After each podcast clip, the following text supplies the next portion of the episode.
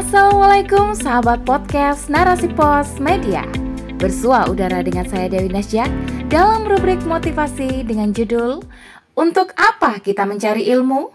Oleh Maria Zawawi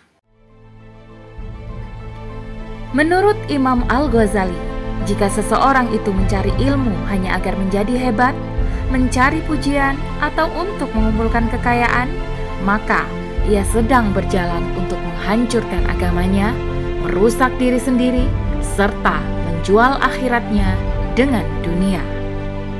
Selengkapnya, tetap di podcast Narasi Pos Media. Narasi Pos, cerdas dalam literasi media, bijak menangkap peristiwa kunci. Hari itu saat jam istirahat tiba, beberapa teman laki-laki asyik mengobrol di dalam kelas. Sebut saja mereka A1, A2, dan A3. Kebetulan nama depan mereka huruf A semua. Saya yang saat itu juga berada di kelas ikut mendengarkan obrolan mereka. Saya kurang tahu awal pembicaraannya, namun yang saya ingat, mereka sedang membicarakan motivasi bersekolah.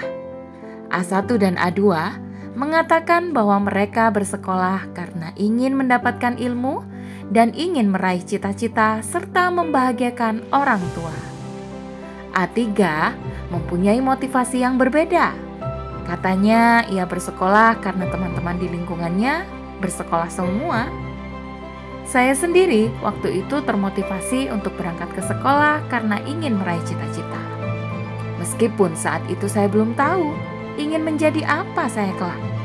Jadi saya berangkat ke sekolah tanpa memahami apa tujuan saya. Mungkin saat ini banyak pelajar maupun mahasiswa yang seperti itu.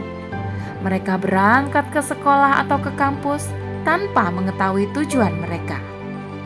Mereka berangkat ke sekolah hanya untuk memenuhi keinginan orang tua, belajar karena malu jika berdiam diri di rumah, dan mungkin sebagian lagi bersekolah atau kuliah agar mendapat ijazah.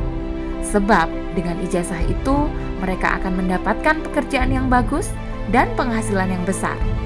Parahnya, jika mereka bersekolah demi mendapatkan uang jajan.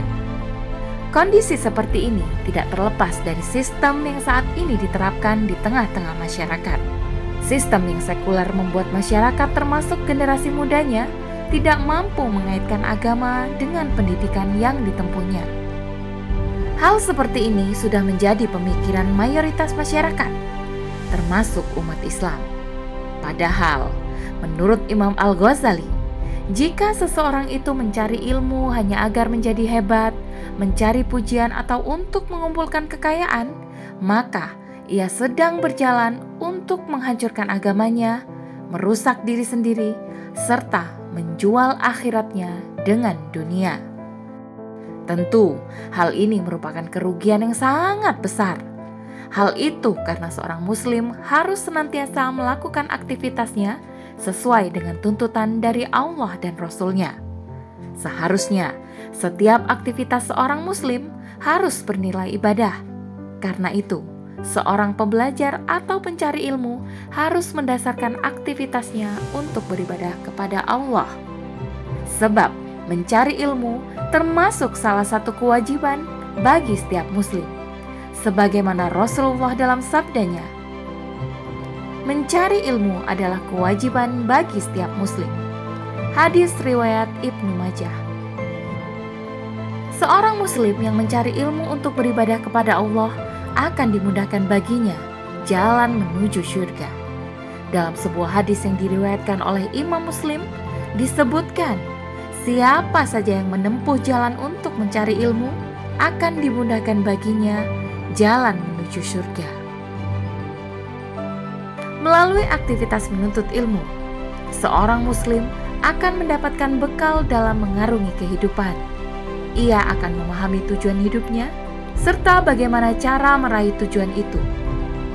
Ia akan melakukan segala aktivitasnya untuk meraih ridho Allah ia pun akan melakukan setiap aktivitasnya untuk kemuliaan Islam dan kaum muslimin.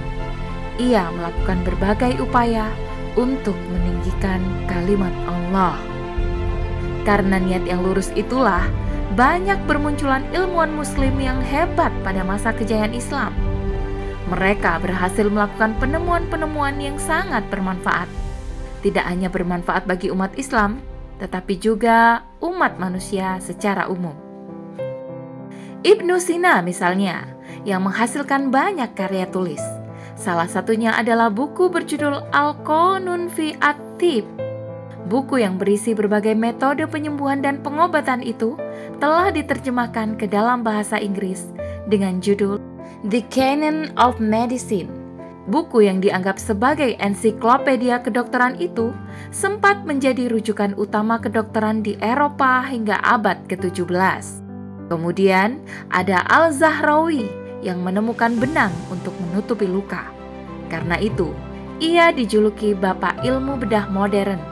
Bukunya yang berjudul Atasrif Liman Ajizaan At-Ta'lif yang berisi tentang ilmu bedah serta alat-alat kedokteran masih dijadikan rujukan hingga sekarang. Ilmuwan muslim yang hasil penemuannya masih digunakan hingga sekarang adalah Al-Khawarizmi. Ilmuwan di bidang matematika ini adalah penemu ilmu aljabar. Melalui angka nol yang ditemukannya, sistem penomoran pun lebih mudah. Di samping itu, ia juga menemukan algoritma. Berdasarkan algoritma inilah dikembangkan berbagai macam alat seperti komputer, gawai, dan sebagainya. Selain mereka bertiga, masih ada ilmuwan muslim lainnya yang karya mereka bermanfaat bagi umat manusia. Mereka berhasil melakukan hal itu karena mereka memahami tujuan mereka dalam mencari ilmu. Bukan karena dorongan nafsu ingin terkenal, mendapat pujian, ataupun materi. Namun, semua itu merupakan dorongan keimanan mereka. Mereka lakukan hal itu semata-mata untuk mendapatkan ridho Allah Subhanahu wa Ta'ala. Maka, kita harus belajar dari mereka.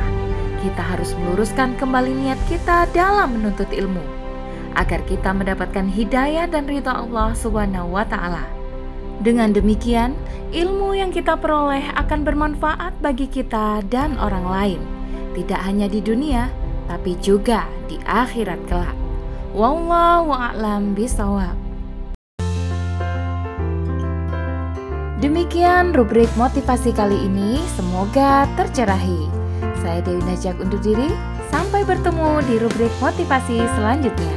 Wassalamualaikum warahmatullahi wabarakatuh.